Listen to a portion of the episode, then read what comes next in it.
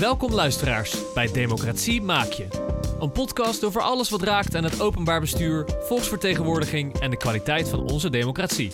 Van integriteit tot interactie en van verkiezingen tot verantwoording. Gemaakt door het team van Nekker van Naam en Citizens. Dit keer maken we een serie over de aankomende gemeenteraadsverkiezingen. Met deze week alles wat je moet weten over het selectieproces van kandidaten. Met Pim Steenbergen en Pieter Overeem. Deze week zullen we in gesprek gaan met Trineke Palm. Zij is hier en uh, zij is universitair docent internationale veiligheid aan de Defensie Academie in Breda. En daarvoor heeft ze een bachelor en master politicologie aan de Vrije Universiteit Amsterdam behaald. En daarna is ze ook aan de VU gepromoveerd op het onderwerp internationale machtspositie van de EU. Maar vandaag gaan we het hebben over de lokale democratie. En we hebben Trineke uitgenodigd als voorzitter van de selectiecommissie voor raadsleden voor de ChristenUnie in de gemeente Utrecht.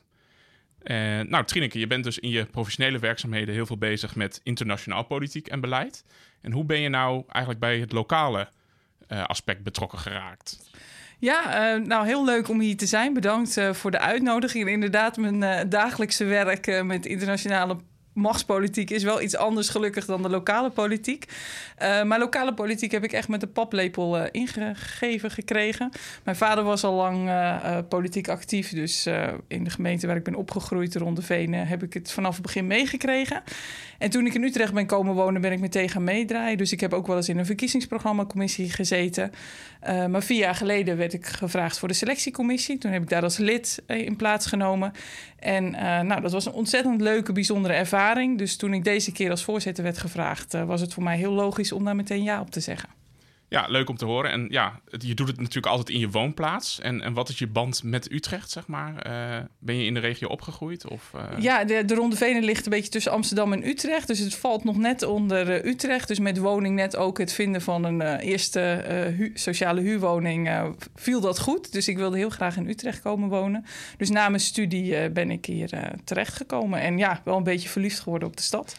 Nou, leuk om te horen. We nemen ook vanuit Utrecht op vandaag. Nekker van Naam zit ook in Utrecht.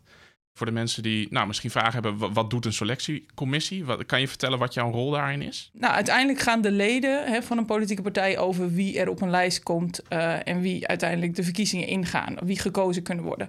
Maar om zo'n proces, het gaat natuurlijk over mensen goed te doen, uh, is het heel gebruikelijk dat daar een aparte commissie voor wordt ingesteld. Die ook een beetje iets is, die wel gewoon weet hoe het gaat in de politiek, maar daar misschien ook een beetje buiten staat. Zodat ook iedereen een goede kans krijgt om, uh, om op die lijst te komen. Um, en dan begin je natuurlijk met het proces. Je krijgt een opdracht van het bestuur mee. Vervolgens uh, moet je dat uitwerken in een soort concrete vacaturetekst. En voer je de gesprekken en uiteindelijk stel je een advies op aan het bestuur, die naar de, vervolgens naar de leden gaat. Dus uiteindelijk is het een advies wat je uitbrengt. En vragen jullie ook wel eens mensen om te solliciteren? Of, of laat je het echt open? En, en hoe verspreid je het ook? Nou, dat is uh, misschien ook goed om even iets te zeggen, misschien over ChristenUnie Utrecht. Om voordat mensen die misschien luisteren en met een hele grote partij te maken hebben, daar kan het denk ik wel iets anders gaan. Maar bij een kleinere partij als de ChristenUnie. Uh, zul je inderdaad mensen ook echt moeten vragen om te solliciteren. Uh, en we hebben dat niet zozeer als uh, selectiecommissie gedaan, dat we mensen direct benaderden. Want ja, dan ben je ook degene die het gesprek voert. Dat kan ingewikkeld zijn. Maar het bestuur speelde daarin bij ons een hele actieve rol. Dus die die probeerde echt rond te kijken van nou, welke mensen zou, zouden uh, passen bij het profiel van de ChristenUnie. En hen dan gewoon te vragen om op gesprek te komen. Dus ook lang niet iedereen uh, had een hele uitgebreide sollicitatiebrief vooraf. Omdat het soms ook een beetje een kennismaking van twee kanten was. Dus er zitten echt zeker die twee. Het is aan de ene kant gewoon een vacaturetekst waar iedereen op mag reageren. Uh, maar ook wel een, ja, je, bij een kleinere partij moet je ook zelf wel een beetje actief aan de slag om de goede mensen uh, op het netvlies te krijgen.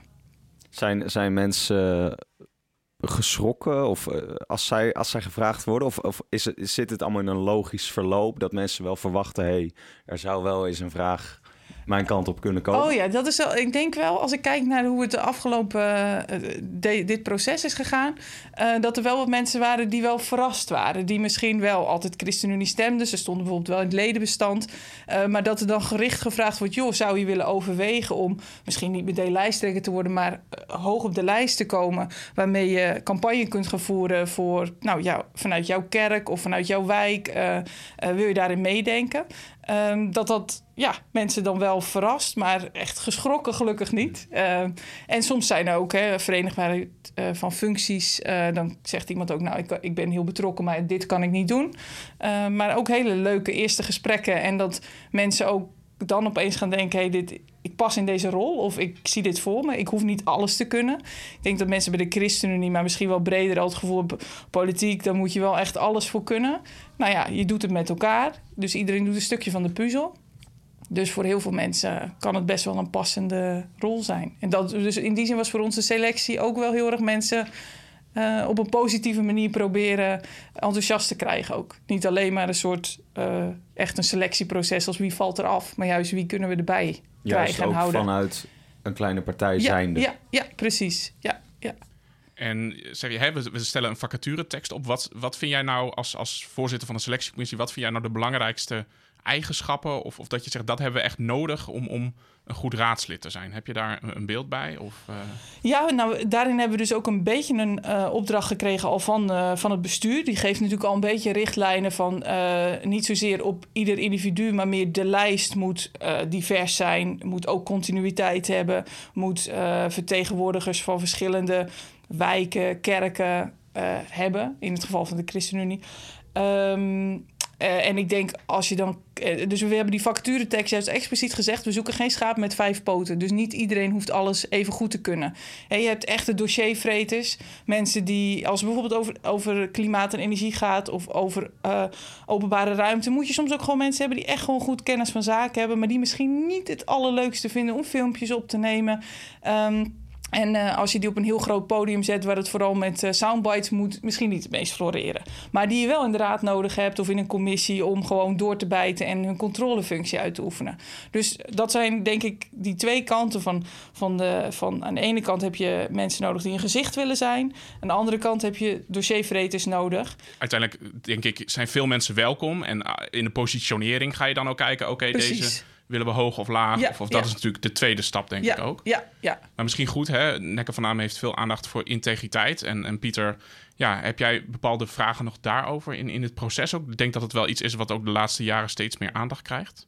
Ja, wat je zegt inderdaad. Je ziet dat het uh, natuurlijk steeds hoger op de maatschappelijke agenda komt. Um, ik ben wel benieuwd hoe je, hoe je daartoe verhoudt tot uh, niet te veel met de waan mee te gaan. Hè? Om, om alles maar met extra, misschien onnodig veel voorzorg aan te vliegen. Ten opzichte van wel het gewoon als belangrijk thema te zien. Um, wat voor rol krijgt dat uh, integriteit dus hè? Als, uh, als onderwerp in, in, in de selectiecommissie? Ja, het heeft zeker een rol gespeeld. we hadden voor ieder gesprek een soort ja, topic list. Niet zozeer van dat je de vragen letterlijk moet stellen, maar integriteit was daar altijd een van de onderdelen van. Uh, we hadden ook richtlijnen vanuit de landelijke politiek gehad. Van waar moet je aan denken bij integriteit? Want dat is natuurlijk eigenlijk soms ook nog best wel lastig. Um, uh, dus het speelde zeker een rol. Ik merkte zelf ook wel dat het uiteindelijk ook wel heel erg lastig is. In de zin van, je gaat niet tegen iemand zeggen, bent u integer?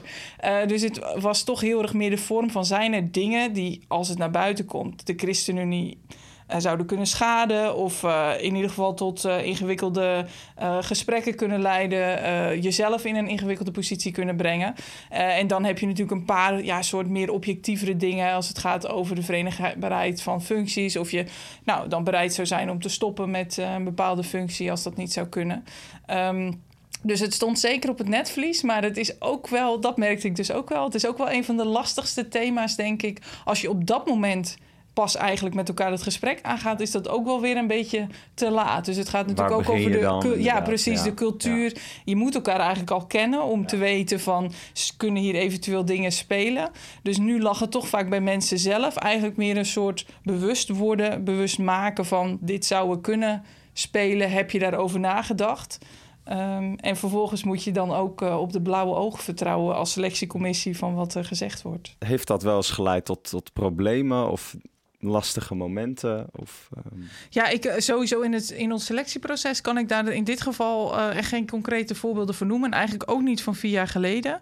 Um, en in, ik kan nu ook eigenlijk niet op een voorbeeld komen van waarin dat ergens anders bij een gemeente of een partij een concreet voorbeeld daarvan. Dus nee, daar kom ik even niet uit. Want wat je daarmee ook zit, denk ik, bijvoorbeeld, je mag volgens mij geen verklaring omtrent gedrag eh, van iemand Nee. vragen. Omdat raadsleden zelfs Ja, met een strafblad in de gemeenteraad mogen. Ja. Dus het is Ja. natuurlijk ook wel... ja. eh, ja, maar je hebt dus, eh, ja, er is wel, eh, ik denk dat meer partijen dat hebben, maar de ChristenUnie heeft ook wel een gedragscode. Dus die teken je. Nou ja, weet ik niet wat je daar juridisch vervolgens voor, voor, voor, voor, voor gevolgen aan kan trekken. Als iemand, iemand in de raad zit, is dat natuurlijk best wel een positie wat moeilijk, eh, ehm, ja, op, eh, op te lossen is als er zich echt incidenten voordoen. Maar nee, er wordt zeker wel, je tekent wel van tevoren een gedragscode die wel al die thema's afdekken. Dat je inderdaad, als jij dus op een bepaalde manier handelt of je leven niet in overeenstemming is met wat er van een goed politicus eh, wordt gevraagd, dat dat, eh, ehm, ja, uiteindelijk kan een partij je natuurlijk verwijderen als lid. Maar dat is natuurlijk, dat is wel de hoogste stap, escalatiestap. Ja, en ik denk dat het voor buitenstaanders soms ook wel een, een hele wondere wereld eh, lijkt, zeg maar, die hele politiek. Heb je nou ook een soort van snelcursus of lees dit voordat je op een lijst komt? Of hoe... Ja, je, je zei net van we moeten mensen soms best nog wel overtuigen. Nou, misschien hè, dat, die publieke functie en dat je integer moet zijn en dat soort dingen, dat kan mensen ook wel tegenhouden. Ja. Zijn dat nou dingen die je dan ook aandraagt? Van joh, kijk hiernaar of, of hè, probeer het gewoon Ja, of wat, ja. wat. Zeker, ja. Ehm, nou, ik denk dat er algemeen bijvoorbeeld zijn er... eh, Utrecht zelf doet wel een soort cursussen, trainingen... gewoon voor burgers in de stad... om politiek dichterbij te brengen... van een soort kennismaken met de raad. Eh, daarnaast zijn er ook landelijk wel dingen. Bijvoorbeeld ProDemos is een organisatie die ook echt heel veel doet... aan de training van lokale politici. Dus dat kan ook heel nuttig zijn. En eh, als CU Utrecht hebben we bijvoorbeeld nu gekozen... omdat we echt best wel... Een, de, de, top 10, daar staan veel nieuwe mensen op... die wel politiek eh, geëngageerd zijn... maar inderdaad nog niet heel veel met de lokale politiek hadden gedaan. Dus we hebben een soort klasje begonnen. Dus eigenlijk sinds dat bekend werd... rond de zomer dat dit de lijst zou worden... zijn we iedere maand eh, heeft het bestuur een avond georganiseerd. Dus ik heb zelf bijvoorbeeld een avond verteld over de christelijke politiek... het idee van de ChristenUnie, waar komt het vandaan, wat zijn de ideeën. Maar er zijn ook... ehm, hele praktische avonden inderdaad over hoe werkt nu de raad en de verschillende commissies, welke thema's spelen er. Dus zo kan iedere partij natuurlijk ook zelf eigenlijk een eigen een soort introductiecursus eh, voor lokale politici eh, opstarten. Want het hoeft denk ik niet één super grootschalig en, eh, en, en formeel te zijn. Als je mensen maar een beetje op sleeptouw neemt, eh, dan moet dat vast lukken.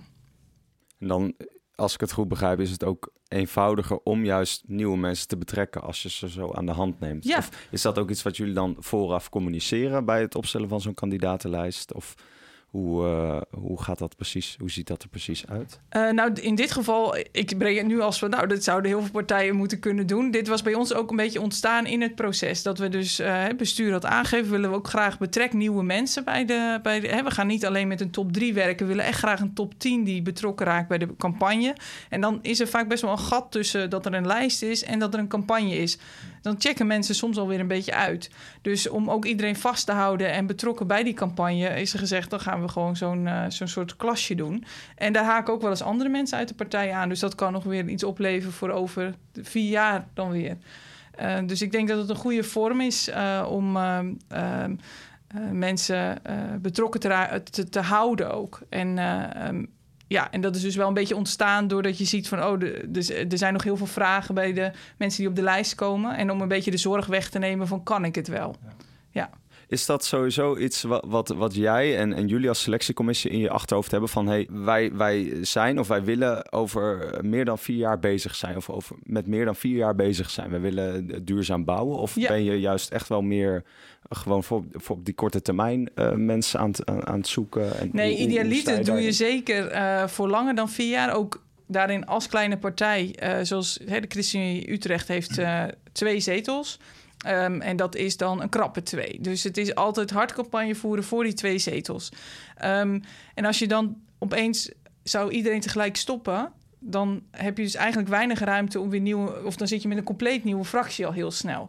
Eh, dus daarom zitten we, is iedere keer die vraag van continuïteit en vernieuwing. Dus hou iemand vast die al weet hoe het werkt, maar zorg ook weer op de nummers 2, 3 en 4 dat er voldoende aanwas is.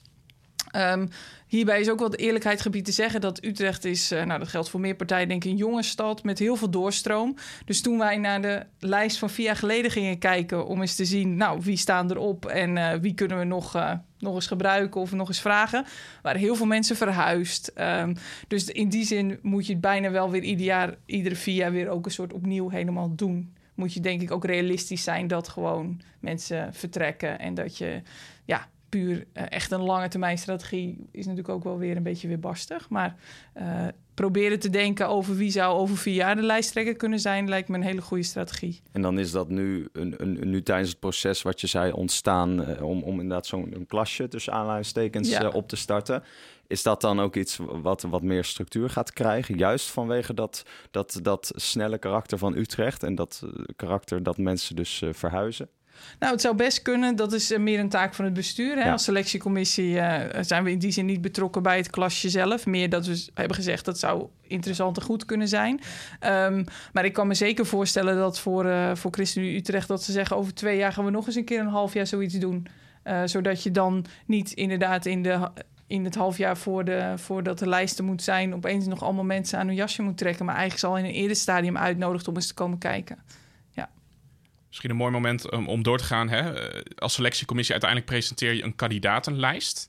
Uh, nou hebben we al kort even over gehad. Maar uh, waar begin je? hoeveel mensen moeten daarop? Um, moet het uit alle wijken zijn? Of hebben, hebben jullie nagedacht over harde vereisten daar, daarvoor? Ja, daar hebben we dus wel instructies van het uh, bestuur gehad. Um, die dus, uh, en, en die instructies worden dan ook door, de, door een ledenvergadering een soort formeel gemaakt. Dus daar, daar zit wel een formele ledenvergadering die daaraan vooraf gaat. En er werd aangegeven, nou, je moet sowieso een lijst van 30 à 40 mensen hebben. Nou, dat is natuurlijk best wel veel. Uh, soms kan ik me ook voorstellen dat partijen elkaar daarin een beetje gek maken met steeds langere lijsten, waardoor mensen echt enorme pagina's moeten uittrekken als in het stemhokje staan. Maar er zit wel een idee achter zoals wat je aangeeft, je wilt mensen uit verschillende wijken. Nou, voor de ChristenUnie zijn kerken ook belangrijk uh, als, als gemeenschappen waarin mensen actief zijn. Dus daar wil je gezichten in hebben die voor mensen aanspreekbaar zijn. En mensen stemmen op een verhaal, maar vaak ook wel op iemand die ze kennen. Um, nou, de, de, de balans man-vrouw. Uh, Utrecht is ook een hele etnisch diverse stad. En uh, zeker met ook heel veel migrantenkerken. Dus er was ook wel een opdracht om te kijken van... nou, probeer daarin ook echt de ChristenUnie in brede zin te, zichtbaar te laten worden. Um, echt harde eisen uh, denk ik verder niet. Dus inderdaad heel erg de balans. En dit zijn dan de relevante criteria die een uh, rol spelen. Daarnaast meer in de top wil je hebben dat mensen met verschillende expertises, ook inhoudelijk. Hè, je hebt het sociale domein, het fysieke domein. Dat dat gewoon goed terugkomt in de top. Maar dat heeft dan meer te maken alweer met wie zet je op welke plek. Je had het net al even kort over die krappe twee zetels. Hè? Ja, uh, ja. Dat dat een uitdaging blijft. Uh, nou kennen we het fenomeen lijstduwer. En, en vooral ook dus bekende personen als lijstduwers. Uh, soms zelfs BN'ers. Ja, ja. Hoe, hoe, staan jullie tegenover dat thema? Wat, ja. wat, voor rol krijgt dat? Ja, precies. Ik ken de discussie erover. Uh, um, hè, natuurlijk ook als bijvoorbeeld landelijke politici opeens op een lijst gaan... of als lijstduwer gekozen worden, dat vervolgens niet gaan doen. Het gevoel van kiezersbedrog. Uh, aan de andere kant kan het, is het ook soms iets meer als een steunbetuiging. Hè? Je gebruikt het soms ook als iemand die jarenlang hoog op de lijst heeft gestaan... lijsttrekker is geweest, die stopt en die wil daarmee aangeven... maar ik ben nog steeds helemaal fan van deze partij, ik steun het. Dus zo hebben wij ook wel wat lijstduwers. Bijvoorbeeld, er gaan mensen stoppen op dit moment uh, die nu in, de, in de, raad zitten. Dus die komen dan als lijstduwer. Juist om ze daar nog wat meer gezicht te geven. En iemand als Beatrice de Graaf, die steunt uh, de ChristenUnie Utrecht ook. Uh, dus die staat dan ook als lijstduwer op de lijst. Dus op die manier soms ook predikanten van kerken zijn voor de ChristenUnie wel relevant. Die, die daarin voor zichzelf vaak geen actieve rol in de raad zien, maar wel daarmee willen aangeven: ik sta hierachter. Overigens zijn er ook juist die vanuit een rol als predikant zeggen: dat doen we liever niet. Maar uh, uh, ja, dus, dus wij maken er ook gebruik van. Ja, ja voor, voor jullie is dat dus uh, aan de voorkant duidelijk. Hè? Die, die persoon vraagt was lijstduwer en die persoon geeft zelf ook aan dat te, ja. te willen. Ja. Is dat ook duidelijk dan voor inderdaad de kiezer? Uh, wordt dat ook gecommuniceerd? Of? Dat is wel een goeie. Ik denk niet dat er een expliciet... Uh, ja, je hebt, je hebt niet een soort label lijstduwer van... Uh, als u hierop stemt, dan, uh, dan komt u niet... of deze komt niet in de raad. Maar ik, als ik kijk dus naar de uitslagen van eerdere jaren... dan was dat... Zie je bij de ChristenUnie hebben we daar weinig hele spannende verhalen in meegemaakt. Dus die krijgen wel een paar honderd stemmen, max eigenlijk. Maar als ik kijk naar de uh, uitslagen bij de ChristenUnie... wordt er verreweg meest op de nummer 1 en 2 gestemd. En dan zie je verder wat meer ja, wijkgericht, vrienden, uh, familie, kerken... die op iemand stemmen, maar nooit in de buurt van iets spannends. Het kan natuurlijk veranderen, maar... Um, Ik denk dat de meeste, doordat de ChristenUnie Utrecht ook een vrij kleine club is en, de, en de, het electoraat ook ja, kent de mensen op de lijst, denk ik vrij goed. Dat zie ik het niet heel snel gebeuren. Maar het is natuurlijk een theoretische mogelijkheid. En dan als iemand die stemmen krijgt, kan diegene natuurlijk ook altijd beslissen: ik ga het wel doen. Want dat is je recht als je eenmaal zoveel volkersstemmen zou hebben gehad. Ja.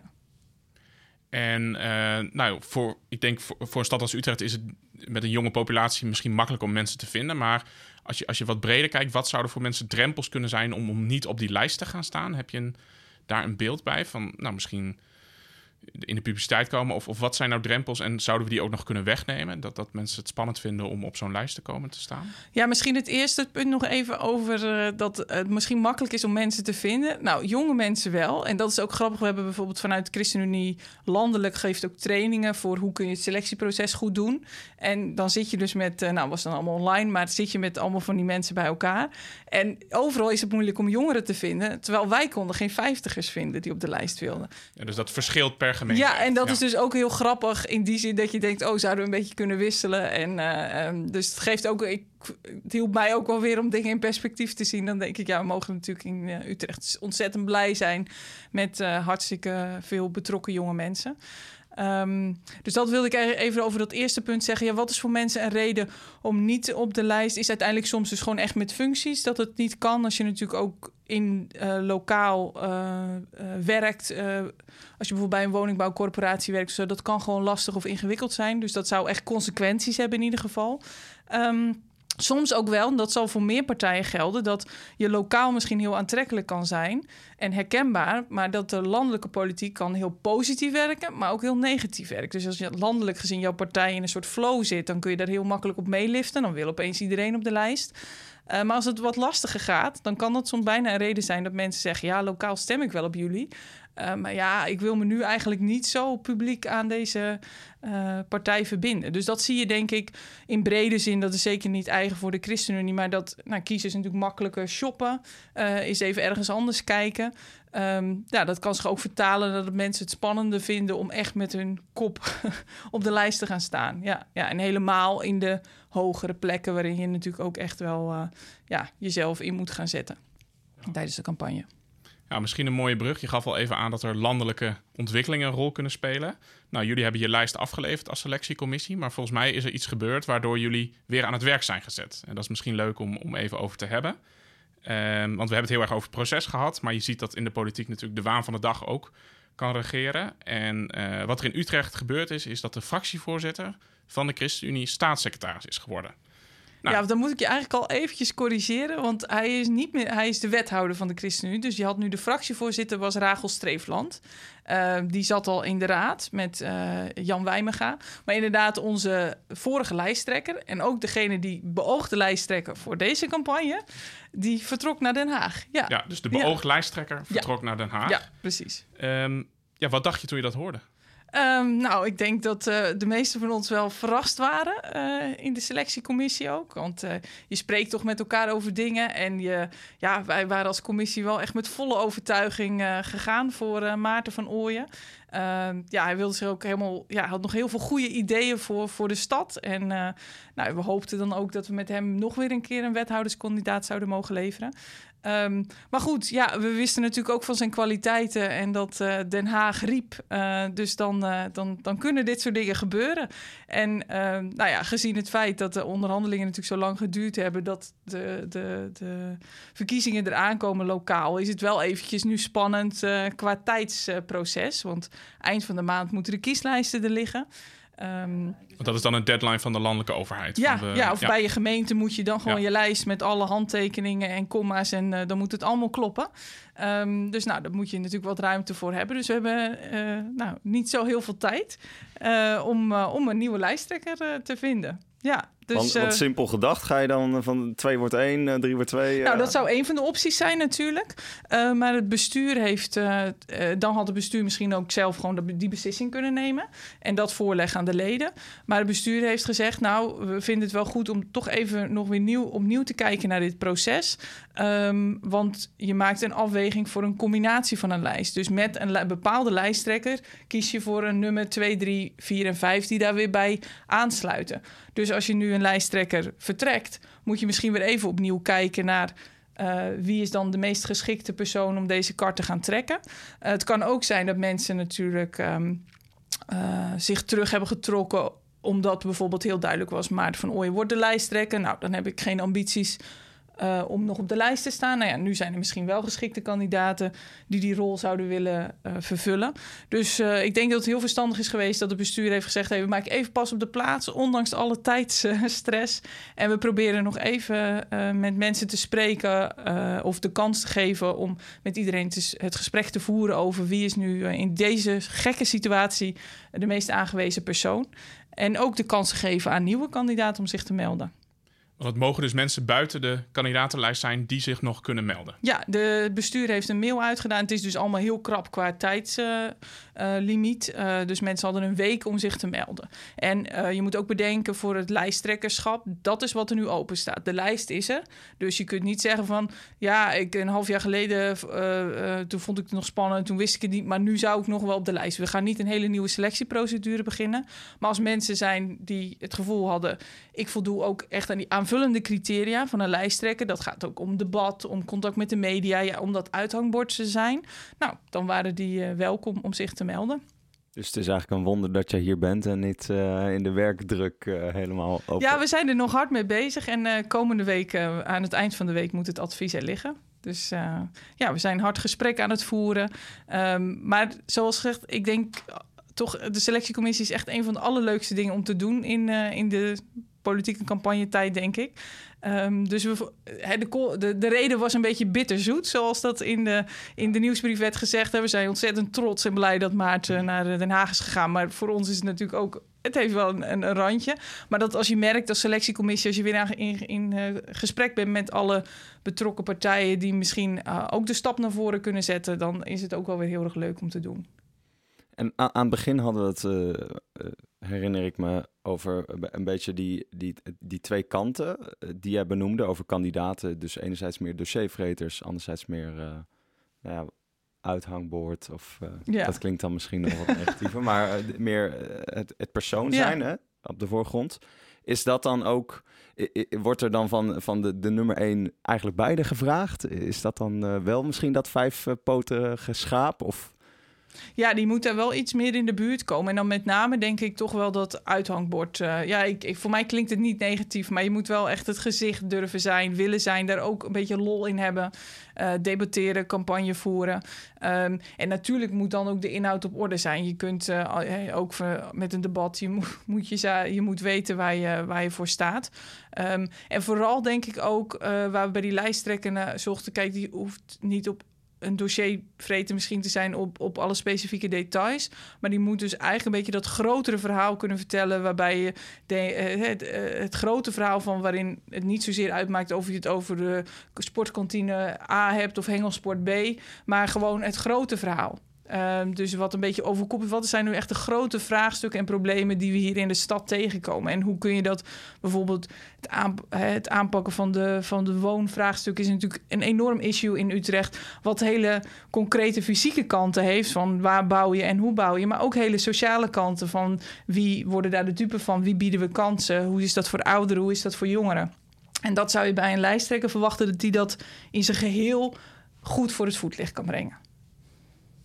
En uh, nou, je hoort nog wel eens hè, dat dat dan wordt dan achter de schermen bepaald wie de lijsttrekker wordt. Of hoe, hoe, hoe zorg je voor een democratisch proces tot, om, om tot een lijsttrekker te komen? Ik denk dat het nu op het gebied van tijdsdruk natuurlijk wel, wel iets anders ja, vraagt. Ja. Maar nou, vraag je lijsttrekkers om zich te presenteren? Of hou je een verkiezing? Of wat? Ja, Volgens mij kan je daar verschillende afwegingen in maken. Zeker, uh, zeker. En verschillende partijen, ook landelijk, hebben dat verschillend gedaan. Uh, ik denk dat we in de ChristenUnie niet echt de traditie hebben van dat mensen zich uh, publiekelijk als lijsttrekker beschikbaar stellen. Ik denk dat in de ChristenUnie ook wel een beetje een cultuur is voor dat soort dingen. Je wilt gevraagd worden of hè, het is een soort verantwoordelijkheid die je neemt. En mensen zijn denk ik heel voorzichtig om zichzelf een soort, vanuit een soort persoonlijke ambitie dat neer te zetten. Ehm, dus ik denk dat daarin de vertrouwelijkheid van een selectiecommissie ook goed kan werken. Dat mensen wel dat durven te zeggen, zonder het afbreukrisico dat jij het dan niet bent geworden. Het hoeft niet bekend te worden dat je hebt gezegd: ik wil dit ook. En dan kun je ook op een lagere plek, misschien met net zoveel enthousiasme, die campagne ingaan. Terwijl als je publiekelijk het niet bent geworden, kan dat misschien soms ook best wel pijnlijk zijn. Um, dus ik denk dat juist daarin de, de selectiecommissie een rol kan spelen. Het is dus inderdaad dan niet zo dat, je, dat de leden de keus krijgen tussen meerdere uh, kandidaten. Er is een, een advies voor een, uh, een lijsttrekker en daar wordt dan over gestemd. En op zo'n ledenvergadering zou het natuurlijk kunnen zijn dat daar kritische vragen over worden gesteld. En gezegd van nou, ik zie nummer 2, 3 en 4. Hè, zou nummer 2 geen goede lijsttrekker? Dan zou natuurlijk op zo'n ledenvergadering zou dan kunnen worden besloten die twee wisselen we om. Dat is zeker mogelijk. Kan je dan ook een amendement indienen van ik wil die lijsttrekker? Of hoe? Ja, dan zul je dat specifiek moeten maken natuurlijk. Van waar wil je dan dat... Uh, hè, stel in de casus de nummer 2... dan uh, moet je dus een abonnement indienen... dat je de nummer 2 naar nummer 1 wilt... en dat daarmee de nummer 1 naar nummer 2 gaat. En daar kan dan over gestemd worden op een ledenvergadering. Dus in die zin is die optie er altijd. Um, maar ten opzichte van de variant waarin je echt een soort campagnetraject in je partij hebt voor een uh, positie. Dat is bij de ChristenUnie niet het geval. En ik denk dat daar dus wel goede redenen voor zijn. Vanuit het idee dat het voor mensen ook minder pijnlijk hoeft te zijn als je het dan niet wordt. En je kan toch heel snel dan twee groepen, dat je op een gegeven moment ook in campagnetijd nog twee kampen overhoudt. Dat lijkt me ook best wel tricky. Ja, je ziet daar voorbeelden van dat dat natuurlijk gebeurt, ook in de landelijke politiek. Ja, en ook lokaal bij een kleine partij. Ja, dan denk ik, ja, wat, wat, wat uh, schieten we daarmee op? Uh, ik denk dat je in die zin, iedereen is hard nodig. En of je nou op 1, 2 of 3 staat. Um, dat heeft natuurlijk wel consequenties voor je kans om in de raad te komen. Dus dat snap ik helemaal. Maar uh, uh, uiteindelijk, ja, het is niet een partij waar je een soort carrière in kan uh, doen of zo. Dus de, de, vaak de motivatie ligt toch op een andere manier. En dan is het meer van, nou, wie is het meest geschikt? En, en is het mijn ervaring dat we er altijd goed uitkomen zijn er nog belangrijke dingen dat je zegt als je in zo'n commissie zit of als je aan de tafel zit, denk, denk nou hierom, zeg maar, ook in het proces? Nou, ik denk uh, sowieso de selectiecommissie als geheel is natuurlijk van wie, um, uh, wie zit er daarin? Ben je zelf voldoende divers? Dat je elkaar ook kan uitdagen. Je merkt natuurlijk gewoon uh, mensen die op jou lijken. Met sommige mensen heb je gewoon een heel makkelijk gesprek. Maar juist voor politieke dingen moet je soms misschien wat diversere uh, mensen hebben. En dan kan het zijn dat een ander daar juist een veel lekkerder gesprek mee heeft. Um, met de top hebben we ook bewust twee gesprekken gedaan. Of top, dat waren een beetje de beoogde top 10 kandidaten. Dus meer dan de echte top. Uh, en dan merk je ook dat sommige doordat ze de bevestiging kregen van een tweede gesprek, dat, dat, dat ze een stukje ontspanden. Dus ook het belang van mensen een beetje op hun gemak stellen, dat is denk ik wel belangrijk. Uh, maar je moet ook wel eens, als, als het natuurlijk een heleboel bla bla is, moet je wel even door kunnen bijten. Uh, dus dat je daarin in je selectiecommissie ook gewoon zorgt voor goede verschillende mensen. Wat denk ik ook heel belangrijk is, een goede secretaris. Uh, want leuk, een voorzitter is natuurlijk leuk. Maar zeker omdat dit gaat over mensen. Uh, het proces is ontzettend belangrijk. En dat er gewoon duidelijke afspraken zijn, dat mensen weten waar ze aan toe zijn, um, uh, hoe het proces vervolgt en hoe dat gecommuniceerd wordt met de persoon. Dat is gewoon cruciaal. Um, en daarnaast hadden we ook een vertrouwenspersoon. Dus als mensen zich in het proces uh, ja, on, onheus bejegend zouden voelen of het gevoel hadden van mijn plek op de lijst, er zit echt iets achter. Dat eh, ja, het proces is niet goed gegaan. Uh, dan konden ze, kunnen zich bij iemand melden die dus buiten die selectiecommissie, buiten het bestuur, buiten de fractie staat. Zodat je dan in ieder geval een soort uh, traject in kunt gaan om, om tot een oplossing te komen. Ja, dat dus dat die, zou ik ook er is. Ja, dat zou ik ook zeker uh, selectiecommissies adviseren om te zorgen dat dat er gewoon is. Want als er al eenmaal een probleem is en je moet het dan gaan organiseren, dan is er vaak al zoveel wantrouwen dat uh, de, de oplossing niet uh, dichterbij komt. Dus als dat vanaf het begin helder is, dat dat de persoon is die overal buiten staat, dan denk ik dat dat. Uh, Adviseer je dat in, in de algemene zin? Of, of verneem je ook uit de praktijk dat er dus weinig personen zijn. Die nee, ik heb geen uh, vergelijkend nee, onderzoek. Nee, Dit is puur iets ja. dat, ik, uh, dat ik uit eigen ervaring gewoon denk... nou, ik weet niet of dat bij andere partijen ook op hun netvlies staat. Um, het kan soms iets zijn wat je snel vergeet in het hele... hele laat ik zeggen, ik had het niet op mijn netvlies staan. Dus het was echt iemand anders die zei van... probeer het nou vooraf goed te regelen. Dat het gewoon een goede oplossing was. Dat ook een beetje zelfvertrouwen geeft van... oké, okay, mensen kunnen gewoon... Uh, als ze zich onveilig hebben gevoeld in het gesprek, zich ergens melden. Mooi om te horen. Nou, dan heb ik nog wel een, een afsluitende vraag. Ehm, nou, je hebt twee keer aan, aan de kant van de selectie gezeten op het, eh, op het gebied van eh, politiek en, en lijsttrekkerschap. Heb je zelf ook de ambitie om een keer aan de andere kant van de tafel? Of zeg je, ik vind het fijn om, om ja, deze rol op me te nemen? Uh, dat is wel een goeie. Ik heb wel, toen ik dus nog in het dorp waar ik ben opgegroeid, heb ik wel een keer op de lijst gestaan. Um, dat heb ik heel erg leuk gevonden, maar ook wel spannend. Het, het jezelf ja, het, uh, je bent zelf onderdeel van, van zo'n campagne. Het is niet alleen inhoud.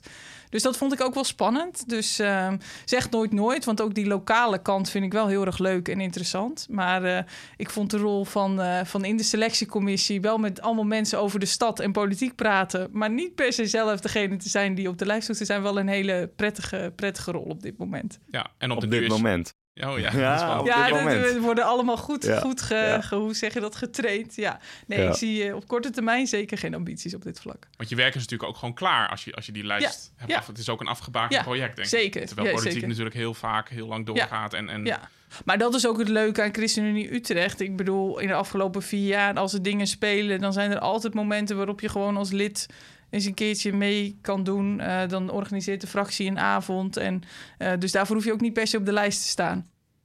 Super. Nou, Super. Pieter, volgens mij hebben we veel geleerd over Heel het wel veel. en wee van een Heel veel, selectiecommissie. zeker, ja. Je geeft het ook zelf aan inderdaad dat het proces belangrijk is. Nou, ik ben belangrijk dat we er een hele aflevering aan wijden, want eh, heel leerzaam. Ja, en volgens mij, eh, we gaan afwachten ook hoe, hoe het verloopt. En we zullen in Utrecht eh, dat ook gaan volgen. Hoe, eh, ja, als er een landelijke, of als een fractievoorzitter of een beoogd lijsttrekker... Ja, wat, wat, wat gebeurt er dan? We gaan dat volgen. Ja, Ja. ja. daarom. Ik kan er nog niks over zeggen. Maar eh, wel alle vertrouwen in dat we gewoon met een hele goede lijsttrekker gaan komen. Zeker. Ook drie weken voor eh, dat de lijst moet worden ingeleverd. Gelukkig genoeg goede mensen. Ja. Ja, de handtekeningen zijn nog nat. Ja. Tijd voor de blik van Bogers. Marcel Bogers is hoogleraar en onderzoeker bij Nekker van Naam. Hij reflecteert iedere aflevering op het gesprek. Zo, erg interessant verhaal. Net gehoord van Trineke Palm. eh, gesprek met Trineke Palm. En dat ging over de eerste stappen naar verkiezingsdeelname. Namelijk het eh, vinden van kandidaten voor de kandidatenlijst. Eh, toeval wil dat ik daar veel onderzoek naar heb gedaan eh, de afgelopen jaren. Eigenlijk al eh, de afgelopen vier verkiezingen op rij. Samen met een collega van mij van de Universiteit Groningen heb ik onderzoek gedaan naar kandidaatstelling bij gemeenteraadsverkiezingen. En op die manier heb ik redelijk zicht op de manier waarop partijen kandidaten werven. En eh, een aantal dingen die ik al terughoor, die zijn erg herkenbaar. Eh, zoals ik eh, hoor dat, eh, dat het beste en meest succesvolle manier om kandidaten te werven is kandidaten gericht benaderen. Ehm, het aantal mensen dat actief is in een politieke partij, dat is erg klein. Mensen dat überhaupt lid is van een politieke partij is klein.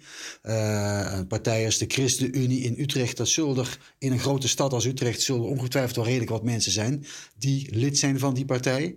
Maar toch zijn het er nog steeds procentueel natuurlijk erg weinig. Maar als we dan gaan kijken wie is daar actief lid, want laten we eerlijk zijn, de meeste mensen zijn echt tientjeslid. Die betalen braaf hun contributie, maar doen verder niet veel. Dus we kijken wie is er actief lid, dat zijn er meestal, eh, maar een handje vol. In een stad als Utrecht moet je bedenken, bij een, bij een partij als de ChristenUnie zijn dat er nooit meer dan 20, 30. Nou, dat is een hele kleine vijver waar je dan uit eh, kan, kan putten als je je kandidatenlijst wil samenstellen. Dus wat dan vaak gebeurt is dat ook eh, de niet-actieve leden direct worden benaderd. Dus er wordt gewoon eens gekeken van... hé, hey, wat weten we over alle andere leden? Eh, hoe zij actief zijn in de samenleving? Zijn ze, lid van een, eh, zijn ze bestuurslid van een voetbalclub? Hebben ze zich op een andere manier maatschappelijk of bestuurlijk... of, eh, of met hun beroep eh, eh, verdienstelijk gemaakt... en zijn ze daarmee voor ons een een interessante kandidaat? Nou, zo worden mensen vaak eh, eh, direct benaderd. En dat is vaak, eh, draagt wel bij aan het succes van het vinden van eh, voldoende kandidaten. Want je ziet dat sommige partijen daar ook wel moeite mee hebben. Ehm, wie de krant heeft gelezen, zal, zien dat, zal hebben gezien dat sommige partijen ehm, eh, echt tot de slotsom komen van hey, het lukt ons niet om voldoende kandidaten te vinden. En we nemen daarom dus maar niet aan de verkiezingen deel.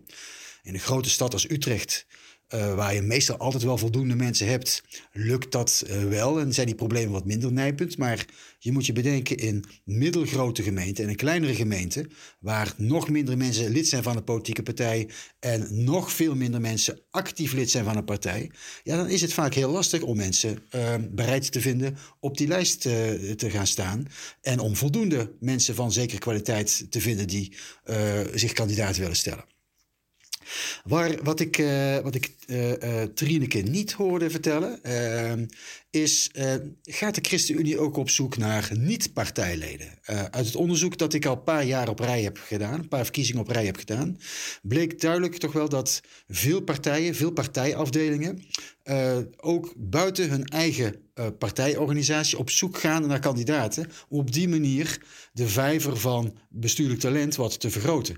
Dus dan bijvoorbeeld wordt er gevist in de pool van mensen die zich hebben opgegeven voor de cursus politiek actief. Is een cursus die wordt aangeboden, vaak in de aanloop naar de gemeenteraadsverkiezing, om mensen vertrouwd te maken met lokale politiek. Voor mensen die geïnteresseerd zijn in lokale politiek. Van hey, hoe werkt dat nou, lokale politiek? Hoe werkt de gemeenteraad? En vaak blijft er altijd wel een paar mensen achter die zeggen van nou, dat raadslidmaatschap, dat lijkt me misschien wel wat. Nou, dat is een heel mooie pool waar de verschillende politieke partijen eens in kunnen vissen. En dat waar de ChristenUnie is gaan kijken van hey, zijn dat mensen die ook de ChristenUnie beginselen toegedaan zijn en die misschien ook op onze uh, lijst zouden willen staan. Ik vond ook interessant te horen van hoe um, de uh, kandidaten worden klaargestoomd voor het aanstaand uh, raadslidmaatschap. En wat bij, nou ja, als je meestal vraagt, hè, het blijkt ook uit ons onderzoek van wat, op welke eh, criteria selecteer je eh, kandidaten. Dan kun je kijken naar kennis van relevante beleidsterreinen, politieke loyaliteit uh, en bestuurlijke ervaring. En zo kun je wat meer zaken bedenken. Het allerlaatste wat interessant is, en, daar, eh, en daarin onderscheidt Utrecht zich als stad wel van heel veel andere gemeenten. Is hij zei van ja, het valt me, uh, het valt me eigenlijk mee om uh, jongere kandidaten te vinden. Ehm, we hebben juist meer moeite met het vinden van 50-plussers. Nou, dat is in de meeste andere gemeenten, of veel andere gemeenten, is dat net het omgekeerde. En hoe komt het dat het in Utrecht uh, makkelijk is en veel andere studentensteden ook om jongeren bereid te vinden om op die lijst te gaan staan? Het heeft iets te maken met de veranderde arbeidsmarkt. Uh, waar het normaal zo is, en dat is eigenlijk uh, de afgelopen tijd was het eigenlijk steeds dat het heel lastig is om mensen bereid te vinden zich kandidaat te stellen voor de gemeenteraad, omdat het raadswerk heel lastig te combineren is met een gewone baan. En wat we nu zien in die uh, arbeidsmarkt die steeds meer geflexibiliseerd is en steeds meer mensen een flexbaan hebben of ZZP'er zijn, dan is ineens dat raadslidmaatschap voor heel veel flexwerkers en ZZP'ers ineens een heel interessante baan. Om twee redenen, en dat geldt dus zeker voor jongeren. Uh, het raadslidmaatschap biedt een mooi basisinkomen, zeker in een stad als Utrecht, want de raadsvergoeding daar is toch best een redelijk bedrag. Daar kun je zelfs een beetje van rondkomen in een stad als Utrecht. Maar in ieder geval een mooi basisinkomen. En daarnaast biedt het raadslidmaatschap ook allerlei mogelijkheden om je netwerk in de stad enorm uit te breiden. Je leert de stad een stuk beter kennen, maar de stad leert jou ook een stuk beter kennen. Nou, als je net startend bent op die arbeidsmarkt, als je net startend bent met een klein bedrijfje als ZZP'er, is dat buitengewoon interessant. Er zou misschien een oneigenlijke reden zijn om raadslid te worden, maar het, het, het speelt zeker in het achterhoofd van veel jongeren mee om zich kandidaat te stellen. Dus om die, om die reden zie je dat in veel steden als Utrecht uh, jongeren gemakkelijk bereid zijn uh, en gemakkelijk uh, zijn te porren voor het raadslidmaatschap. Ik vond het erg interessant.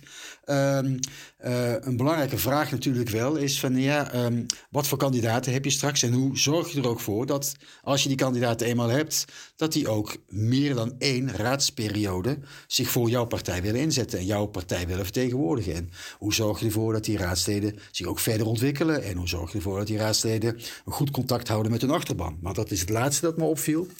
Uh, is dat, dat, dat eigenlijk nauwelijks wordt geselecteerd op uh, het hebben van een eigen persoonlijke achterban. Zijn, hebben we kandidaten die uh, goed geworteld zijn in allerlei lokale netwerken? Uh, er werd heel duidelijk gezegd van nou, bij ons op de lijst stemt bijna iedereen op, um, op de lijsttrekker. Terwijl nou ja, er zijn ook heel veel partijen zeker lokale partijen, waar juist heel veel kandidaten juist, juist veel voorkeurstemmen krijgen, omdat ze over een eigen achterban beschikken.